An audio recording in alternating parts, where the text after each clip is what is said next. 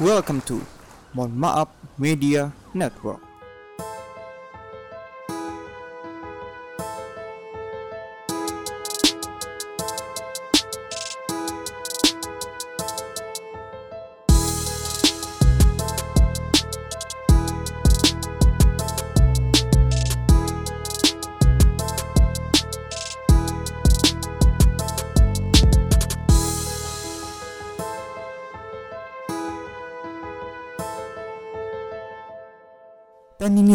Satu-satunya podcast di Indonesia yang minta maaf sebelum barbar. Hadir untuk kalian di segmen monolog gue. Lo dan gue pasti punya cerita. So, apa cerita lo? Dengan saya, Kathleen Kwando. Dan saya, Amelia Jessica, di segmen Monolog gue. Jamel, aku pengen cerita nih. Kenapa, Kit? Jadi aku tuh kayak lagi kesel banget gitu loh kalau misalnya ingat kejadian yang dulu. Kayak sakit hatiku tuh masih ada gitu. Jadi dulu tuh aku pernah dekat sama orang. Terus ada orang lain gitu yang gak suka sama aku. Kayak tiba-tiba kayak dia jelek-jelekin aku gitu loh ke orang yang lagi deket sama aku gitu. Dia bilang kalau misalnya aku ini kayak pokoknya kayak nggak bener gitu loh kayak drama queen. Terus habis itu dia bilangin kalau aku ini sombong. Dia bilangin aku jelek. Kayak aku tuh kesel banget kalau misalnya inget-inget kejadian itu. Jadi kayak ngerasa masih ada beban gitu loh di hatiku. Kayak belum bisa maafin mereka gitu. Menurut Cak Amel gimana ya? Hmm, jadi ini Alore berawal dari orang yang suka jelek-jelekin kamu tanpa kamu tahu juga sebabnya apa, entah dia iri atau apa pun dengan hubunganmu ya. Terus habis itu kamunya sendiri masih ngerasa eh, belum bisa maafin dia karena perbuatannya gitu ya. Kalau menurutku ya, Kit, emang sih kita nggak bisa gitu loh kalau menjauhi diri kita dari kayak kejadian-kejadian buruk atau kita menjauhi diri diri kita dari kayak uh, perbuatan orang-orang yang nggak enak di sekitar kita mau itu mereka yang sukanya uh, nyakitin hati kita tanpa mereka sadar dengan kata-kata mereka dengan cara mereka kayak gitu. Tapi yang perlu kita tahu kita ini memang nggak bisa berekspek tinggi sih kayak jujur aja. Karena kalau kita berekspek tinggi sama orang ujung-ujungnya tuh bakal kecewa dan bakal sakit hati gitu loh. Kayak mulai dari hal-hal kecil kayak yang tadi. Kamu pengen pasti berharap orang itu pasti bisa uh, anggepi semua perbuatanmu itu baik karena kamu juga nggak pernah cari masalah sama dia. Tapi ternyata nyatanya beda gitu kan.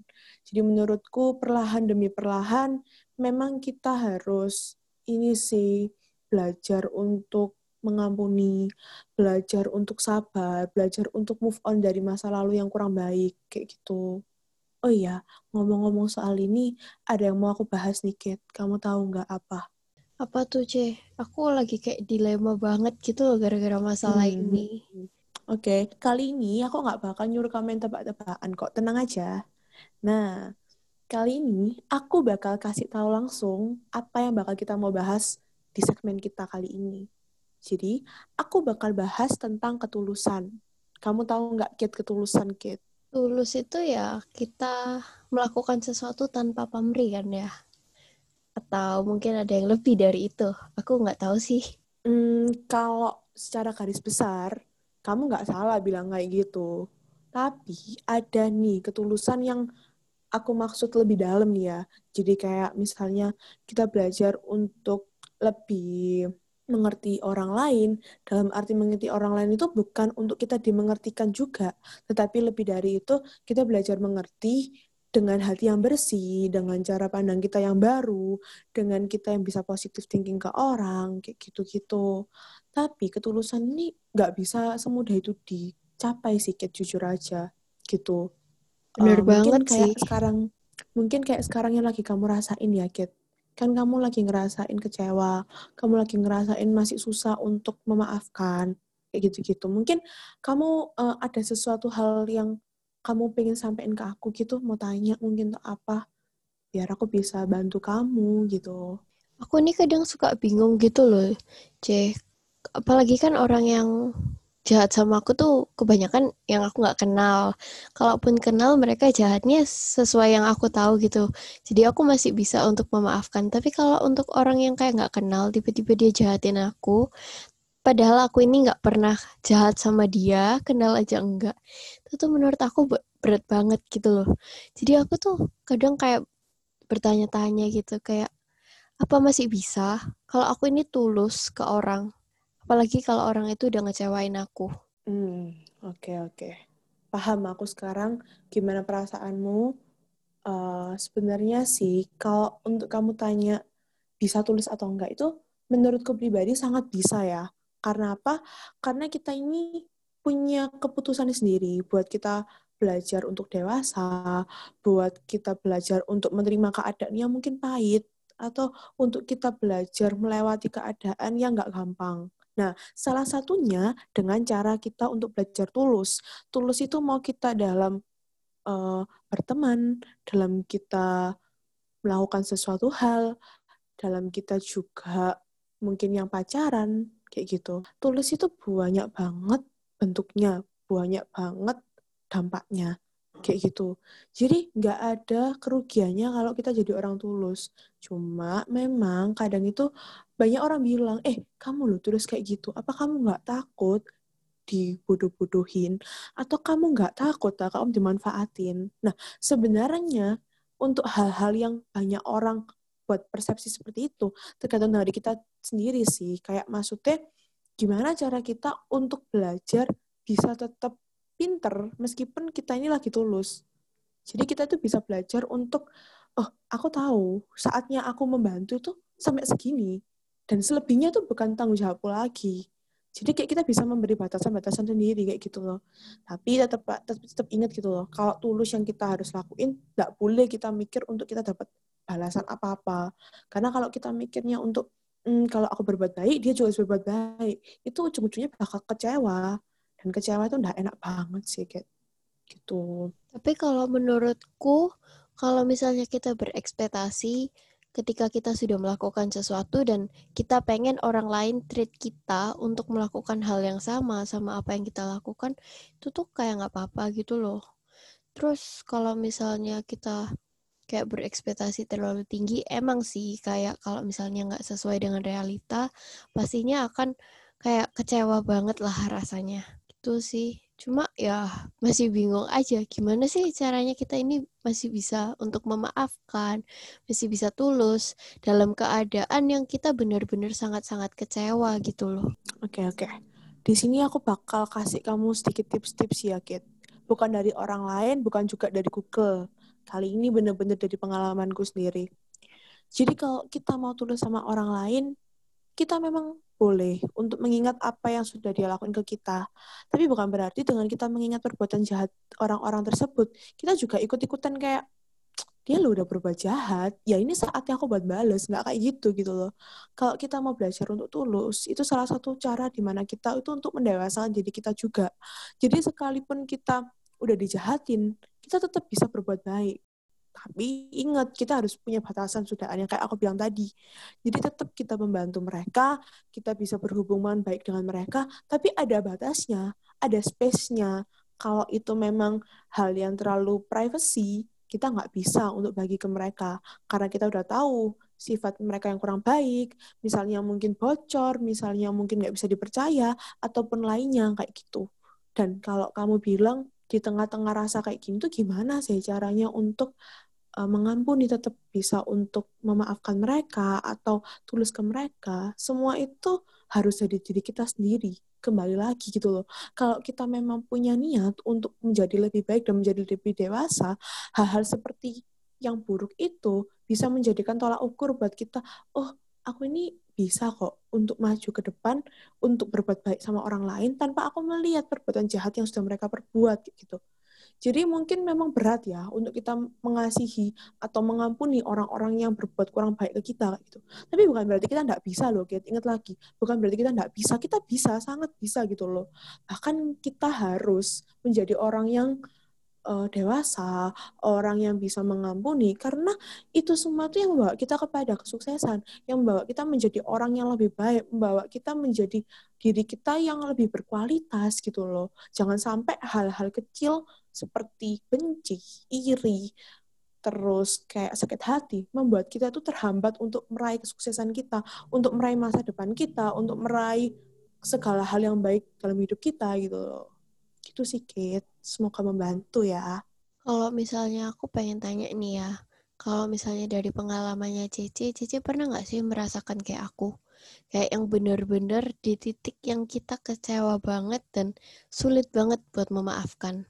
Karena kalau menurutku memaafkan itu memang susah dan kalau misalnya kita memaafkan mungkin iya, tapi hati kita kadang nggak memaafkan, Ci. Kalau kamu tanya aku, jawabannya pasti pernah. Dan aku udah ngalamin yang namanya sakit hati banget. Kayak di titik paling rendah, titik terdaunku. Tapi puji Tuhan aku bisa untuk keluar dari titik itu. Karena apa? Karena aku mau belajar. Aku tahu itu bukan hal yang mudah. Aku tahu itu juga bukan hal yang bisa cepat kita lupakan gitu. Tapi salah satu cara di mana kita itu bisa lompat kalau aku boleh ngomong. Lompat dari satu jalan ujung pembuka untuk datang dan masuk ke jalan ujung penutup. Dan kita yang nentuin semua itu, keputusan ada dalam tangan kita gitu loh. Kalau kita mau menjadi orang yang lebih baik, kita harus mau diproses. Dan cara pemrosesan itu untuk setiap orang tuh berbeda-beda. Tergantung kemampuan orang itu gitu loh. Kayak misalnya aku, aku diprosesnya dengan cara aku nggak menemukan yang namanya sahabat selama satu tahun. Itu merupakan hal yang berat gitu buat aku. Tapi ternyata di balik itu semua ada gitu loh rencana-rencana yang indah yang disediakan sama yang di atas kayak gitu loh buat aku. Dan itu benar-benar terjadi gitu loh. Makanya kenapa aku bilang sama kamu, ketulusan tuh nggak bakal merugikan. Karena kita berbuat tulus, kita tuh menabur kebaikan. Dan di saat kita menabur kebaikan, di situ kita juga akan menuai kebaikan. Itu tuh bukan sesuatu ekspektasi yang tinggi ya, tapi itu berlaku terus-menerus gitu loh. Kalau kita tabur yang jahat, kita juga bakal uh, terima yang jahat. Masa kita tabur apel, kita tuainya jagung? Nggak mungkin kayak gitu kan. Jadi cara kita itu harus mau untuk diolah, balik lagi diproses. Ya sakit sih, tapi itu titik di mana kamu harus ambil keputusan besar untuk kamu menjadi orang yang berkualitas. Gitu, Kate. Belajar, pasti bisa. Semangat. Jadi ketulusan itu soal kita memilih jalan mana yang bakalan kita ambil. Kita ingin berbuat baik atau kita ingin berbuat jahat. Kita ingin membalas atau kita ingin memaafkan. Oke, okay. bener banget sih semua perkataan yang telah Cici ucapkan tadi itu kayak bener-bener masuk gitu loh ya, kalau menurut aku. Cuma nih Ceh, aku ini kan bingung. Kadang itu kayak rasa hati ini pengen bales. Nah, biasanya kalau misalnya Cece kan katanya pernah ya merasakan hal itu. Cici ini membalas dengan cara bagaimana sih? Membalas dengan hal apa sih? Atau dalam bentuk apa gitu ya? Kalau dari yang kamu tanyain, ini yang aku tunggu-tunggu sih. Pasti kamu bisa tanya kayak gini. Uh, kalau menurutku ya, kalau sama ini yang tak lakuin, itu tuh aku bukan balas sih, Kit. Lebih ke melampiaskan ya. Jadi kalau membalas itu kan jatuhnya ke orang itu, atau membalas itu kan jatuhnya berbuat jahat. Aku nggak, aku biasanya melampiaskan ke hal yang baik. Apa sih hal yang baik itu? Aku doa biasanya. Aku doain orang-orang yang kurang baik itu atau orang-orang yang buat kita kecewa itu dan kamu tahu hasilnya tuh besar banget, Kit. Jadi kayak kita tuh berdoa ya, misal sebulan, seminggu atau dalam jangka waktu lah tertentu. Dan kita tuh bisa lihat hasilnya tuh nanti setelah kita merasa sudah nyaman, sudah tenang, sudah nggak kepikiran gitu loh. Dan itu tuh kayak hal-hal baru, surprise gitu loh, kayak surprise yang kita nggak pernah pikirkan, yang nggak pernah kita expect apa-apa gitu loh. Dan itu terjadi untuk aku sih. Dan puji Tuhan kayak itu yang harusnya bisa untuk kamu lakuin. Karena itu nggak mengeluarkan tenagamu, nggak capek-capekin hatimu, tapi kamu menyerahkan gitu loh sampai di atas. Dan itu jauh lebih bagus deh, dibanding kamu harus memikirkan rencana-rencana buruk apa untuk orang-orang yang kurang baik kayak gitu. Ini ya yang aku mau kasih sampaikan ke kamu. Kalau misalnya kita tetap kekeh dengan pembalasan, apa bedanya kita dengan mereka? Kalau misalnya kita tetap kekeh dengan yang namanya kebencian, apa bedanya kita dengan mereka kayak gitu. Dan di sini kita mau tunjukin gitu loh, kalau aku ada bukan karena kuantitas orang-orang di sekitarku yang banyak, tapi aku ada di sini sekarang, aku ada untuk menjadi orang yang lebih berkualitas. Itu semua itu karena kualitas diriku dengan kualitas orang-orang yang aku miliki itu memang mungkin nggak sebesar kuantitas yang dipingin gitu loh. Tapi hasilnya tuh besar banget gitu loh. Jadi yang diperlukan tuh kuantitas bukan kualitas gitu sih. Itu kalau caraku ya dulu gitu. Semoga bisa kamu contoh. Kalau aku nih ya, sedikit sharing ya. Aku ini pasti gituin pas kena masalah yang tadi aku cerita, aku emang nggak bales. Cuma emang aku nggak akan pernah mau ngomong lagi sama orang itu. Karena menurutku percuma aku ngomong baik-baik, tapi kalau misalnya orang itu nggak bisa menerima aku dengan baik. Yang kedua itu kalau misalnya aku diem, aku merasa ya udah aku memang nggak punya urusan sama kamu memang kamu pernah berbuat jahat sama aku tapi ya udah aku diemin aku tuh orangnya kayak misalnya kamu berbuat jahat sama aku aku memang bisa lebih jahat daripada kamu tapi aku akan diemin kamu dulu sampai seberapa kamu ini bisa jahat sama aku sampai yang kamu ini benar-benar bisa bikin mental aku down itu baru kalau menurut aku, baru aku speak up sih. Menurut Cece, bener apa enggak sih kalau misalnya aku berlaku kayak gitu? Oke, aku sedikit kasih advice buat kamu ya. Aku gak mau kamu di sini, karena kita sama-sama belajar buat menjadi yang lebih berkualitas ya tentunya. Tapi yang aku mau kasih saran ke kamu tuh gini, kamu pertama kali pakai step untuk kamu diem, itu step terbaik menurutku pribadi. Tapi di saat kamu diamnya itu juga ada maksud tersendiri, yang kamu bilang, e, aku mau lihat sih sejauh mana orang ini melakukan hal itu ke aku, melakukan hal buruk itu ke aku. Sejauh mana sih kayak gitu loh. Dan kamu juga masih ada pemikiran untuk, hmm, kalau misalnya dia berlanjut, ya aku juga bakal berlanjut kayak gitu loh. Jadi belum habis sampai situ, belum selesai sampai situ. Dan yang itu yang menurutku salah. Karena apa? Karena di situ masih ada rasa pingin bales. Pingin bales yang bisa berakar, bahkan berbuah besar gitu loh dan membalas itu nggak baik gitu loh apalagi membalas dengan yang jahat aku tahu sih orang itu juga bukan orang yang baik tapi orang yang kayak gitu itu cara untuk dibalasnya tuh bukan kayak gitu gitu loh cara untuk dibalasnya tuh balasan dengan kebaikanmu gitu loh. Dan di saat kamu bisa membalaskan kebaikanmu nanti kamu bakal nemu buahnya. Buah di mana kamu juga dapat kebaikan. Mungkin bukan dari orang itu dari orang lain. Tapi itu yang bakal kamu dapat. Jadi menurutku kurang tepat sedikit tapi C, kalau misalnya kita diem terus-menerus, adalah pasti kalanya kita harus speak up, membela diri kita kan. Dalam artian, bukan kita yang menghina mereka balik atau kita menjahati mereka balik gitu loh maksud aku. Speak up yang aku maksud di sini kita harus tegesin ke mereka kalau misalnya kamu kalau misalnya mau jahat ke aku, kamu harus tahu dulu, kamu harus kenal dulu aku orangnya bagaimana. Jangan kamu menilai dari sudut pandangmu sendiri, dari apa yang kamu dengar dari orang lain. Tuhan menciptakan mata, di mana kita harus bisa melihat kebaikan orang itu, dan Tuhan juga menciptakan telinga, di mana orang itu juga bisa berbuat baik. Tidak hanya dari kejahatan yang terlihat di depan mata, tapi sebenarnya di belakang orang itu tuh orang itu sangat baik gitu loh. Menurutku adalah kalanya seseorang itu harus speak up untuk membela diri mereka. Karena menurut aku ya, pribadi nih, kalau misalnya kita terus-menerus diam dan tidak membalas, oke, okay, mungkin itu adalah salah satu cara terbaik. Membalas itu memang buruk ya kalau menurut aku. Cuma kita sebagai manusia kita harus bisa untuk speak up, kita harus bisa berdiri sendiri pada diri kita dan mengatakan bahwa diri kita ini baik dan berharga gitu loh. Tidak semua apa yang kamu pikirkan, tidak semua apa yang kamu lihat itu adalah cerminan diri kita. Tidak uh, istilahnya kalau misalnya kita lihat Instagram story selama 15 detik dan di waktu 15 detik itu kita mungkin melakukan sebuah kesalahan kecil. Banyak tuh kan ya pastinya kayak seperti yang kita tahu netizen-netizen tuh kayak bakalan ngehujat 15 detik di hidup kita itu tidak berarti kalau misalnya kamu lihat kebaikan apa yang kita lihat selama hidup kita. Masa dari 15 detik kamu bisa menentukan bagaimana orang itu perilakunya, tutur katanya, dan yang lain-lainnya. Menurut aku wajib banget sih buat speak up. Cuma kalau misalnya speak up juga merupakan cara yang salah, lalu cara apa yang betul? Kalau kita hanya diam, tidak membalas, tapi kita terus-menerus melampiaskan kepada hal-hal yang positif mungkin, mungkin iya. Cuma aku yakin pasti ada sedikit perasaan ego ego kita ini yang belum sembuh istilahnya. Oke, oke. Eh, benar, kalau kamu mau bilang untuk speak up itu, karena kan setiap kita kan punya pendapat masing-masing ya. Aku nggak memaksain pendapatku juga. Cuma kan ini dari apa yang ingin aku share ke kamu, dari apa yang ingin aku advice ke kamu.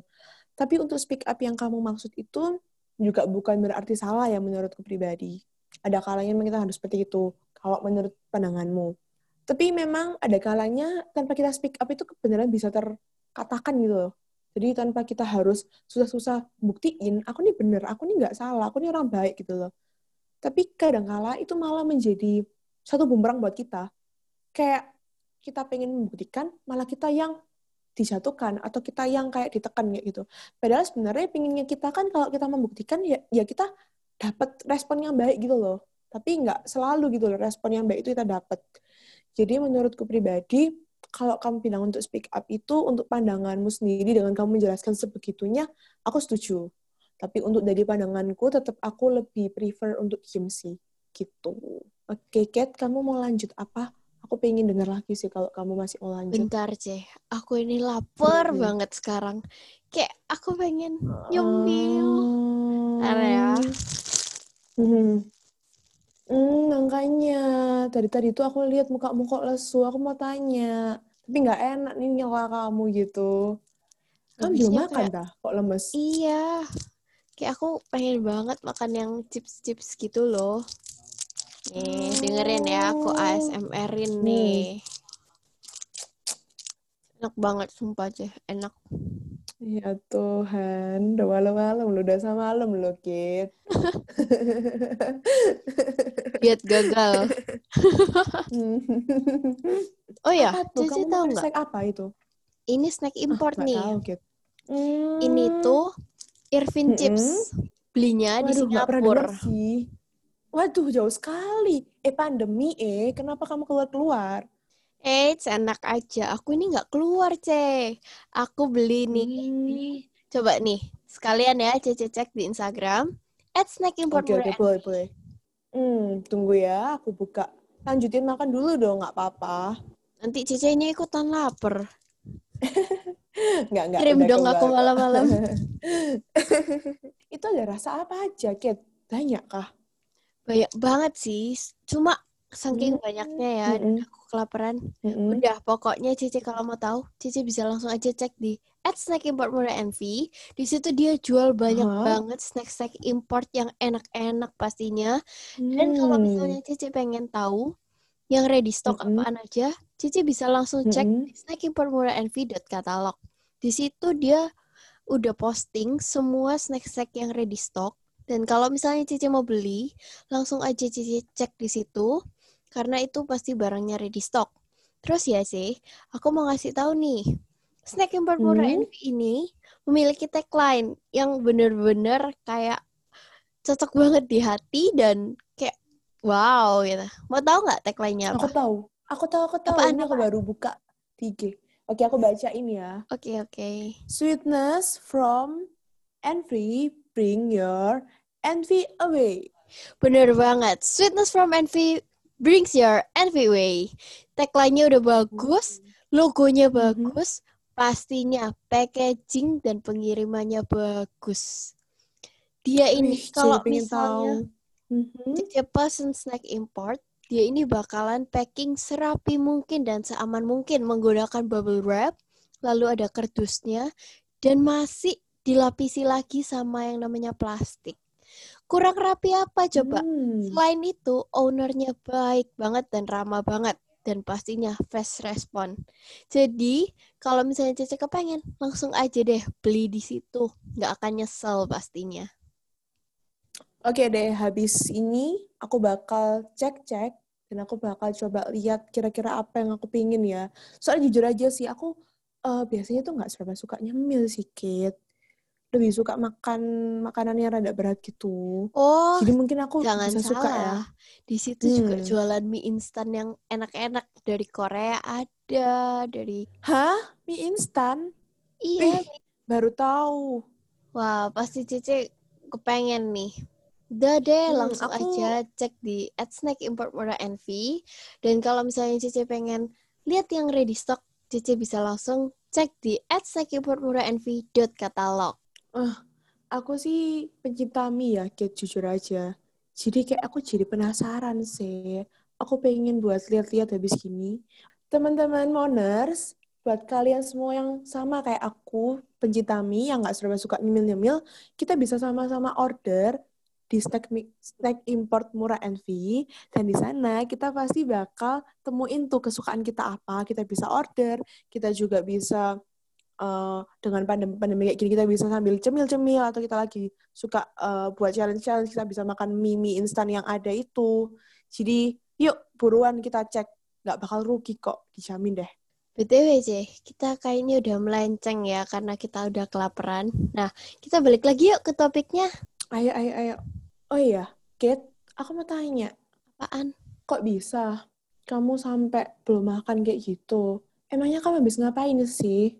Ya, habis ngerjain tugas, terus habis itu habis mandi, ngerjain kegiatan, olahraga, workout, gitu-gitu sih. Jadi kayak lagi padat banget. Oh ya, sama nonton drakor. Hmm? Waduh, masih ngikutin drakor, masih sempet-sempetnya. Ya ampun. Buat ngilangin Iya, stres. iya, iya. Kira-kira ada yang masih kamu share ke aku nggak, Kit? Sebenarnya ya, banyak sih pengalaman-pengalaman aku yang tentang kayak aku sakit hati atau apa gitu. Cuma ya, kalau menurut aku wajib banget lah buat kita untuk ngilangin rasa sakit hati itu dengan cara melakukan kegiatan yang positif tentunya. Tidak hanya dengan berdoa sih kalau menurut aku. Memang berdoa itu beneran bikin tenang dan aku udah ngerasain itu gitu loh. Tapi yang terpenting itu adalah gimana sih cara kita ini bisa menerima, ngubah mindset kita ini ke arah yang lebih baik. Dan benar kata Amel tadi, kalau misalnya kita ini harus belajar lebih dewasa dalam menghadapi masalah apa pun. Nggak cuma dari masalah kecil atau sepele, tetapi kita juga harus bisa mendewasakan diri dengan cara kita bisa menghadapi masalah-masalah besar lainnya. Gitu sih, Cem, kalau menurut aku. Dan dari apa yang aku tangkap dengan advice-advice-nya Cece yang benar-benar sangat membantu ini. Hmm, kalau dari yang udah kamu tangkap, aku seneng sih kamu bisa tangkap-tangkap beberapa hal yang memang sebenarnya pengen aku kasih ke kamu secara tanpa kamu sadari sebenarnya gitu. Eh, kalau aku boleh tahu, sekarang gimana nih rasa perasaanmu? Hmm, udah lebih better atau mungkin gimana gitu Kit dari advice advice yang udah aku kasih gitu. Pastinya lebih better ya, karena aku lebih bisa merefleksikan diri lagi. Gimana sih caranya aku ini harus bersikap, caranya aku harus menghadapi. Apakah ini benar, apa salah, apakah ini buruk atau baik. Itu tuh aku lebih bisa merefleksikannya gitu loh. Jadi kalau menurut aku tuh, aku pastinya merasa lebih tenang, lebih positif, dan benar-benar kayak advice-advice yang aku dapetin itu benar-benar sangat membantu banget. Dan aku merasa lega banget sih, kayak selama ini banyak hal yang aku pendem sendiri dan aku pikir sendiri, ujungnya malah bikin aku ini nambah stres, sakit hati, atau yang bikin aku ini mikir kalau misalnya membalas itu adalah cara terbaik atau mungkin melampiaskan pada sesuatu itu adalah cara yang terbaik. Sebenarnya banyak ternyata ya e, cara kita untuk menyikapi masalah-masalah yang ada dan dengan sharing kayak gini beneran lega banget rasanya. Syukurlah, aku ikut seneng banget, Kate. Oh iya, ada satu lagi nih yang aku mau kasih ke kamu di akhir. Jadi, selain hal-hal yang bisa kamu dapetin dari rasa kamu bisa belajar untuk tulus itu, kamu juga perlu tahu kalau saat kamu bertahan itu adalah pilihan kedua terbaik setelah kamu diam menurutku. Karena apa? Karena kamu bisa tunjukin kalau kamu tuh kuat, kamu bisa tunjukin kalau kamu itu nggak selama itu, bahkan kamu mau belajar untuk semakin dewasa.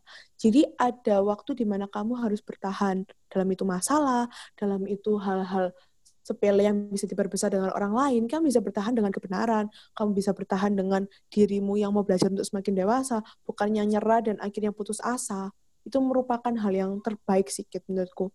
Jadi kayak itu poin kunci kedua gitu. Gimana gimana? Mungkin ada yang mau kamu sanggah atau kamu komen dari kata-kataku terakhir sebelum aku bahas sesuatu nih. Aku mau tambahin ya, selain kita diem, bertahan, kita juga harus bisa belajar. Belajar itu dalam artian bagaimana kita ini mau untuk memaafkan, untuk selalu melakukan kebaikan.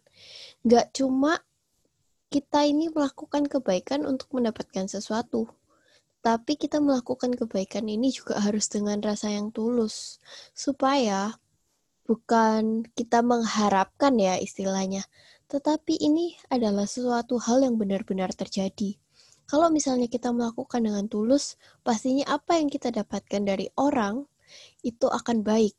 Dan orang itu yang melakukan kebaikan dan memberikan kita kebaikan tersebut, pastinya juga akan melakukan hal itu dengan tulus, sehingga kita juga dapat merasakan ketulusan orang tersebut. Kalau menurut aku sih, dari yang Cici Amel ngomong itu semua udah benar banget, dan itu tambahan dari aku sih. Wow, bener banget, Kate. Dan juga dari apa yang barusan kamu tambahin, aku jadi inget nih, malam ini kita punya satu quotes yang baik banget, yang menurutku juga butuh didengar sama teman-teman di luar sana, teman-teman moners khususnya, supaya mereka bisa tahu kalau ketulusan itu pasti bisa terjadi kalau kita juga memulainya terlebih dahulu. Aku mau bacain ya, Kit ya buat teman-teman, buat kamu juga. Kebaikan memang menjadi kewajiban untuk dilakukan. Tetapi, di saat kebaikan itu tidak diterima, janganlah berkecil hati.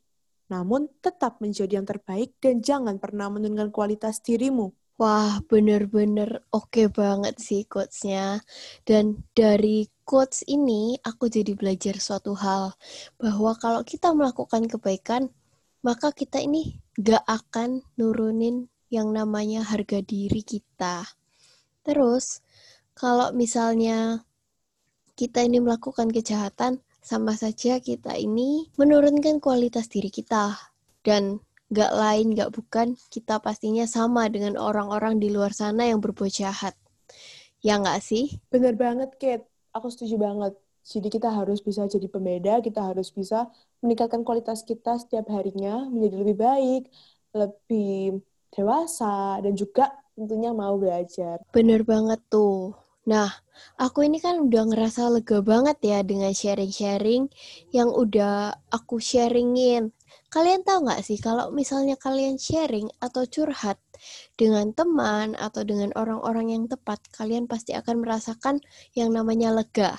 Nah, buat kalian, para moners, kalian bisa banget nih kalau pengen cerita, sharing-sharing, atau sekedar kalian berbagi pengalaman, kalian bisa banget langsung DM di @podcast.mohon maaf atau kalian bisa langsung kepoin di Spotify kita Mohon Maaf Media Networks.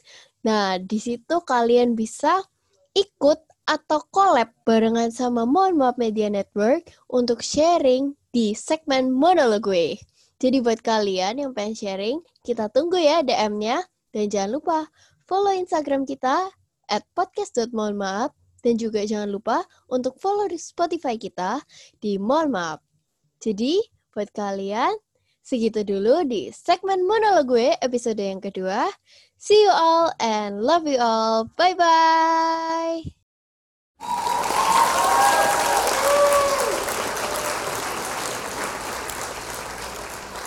Welcome to Mohon Maaf Media Network.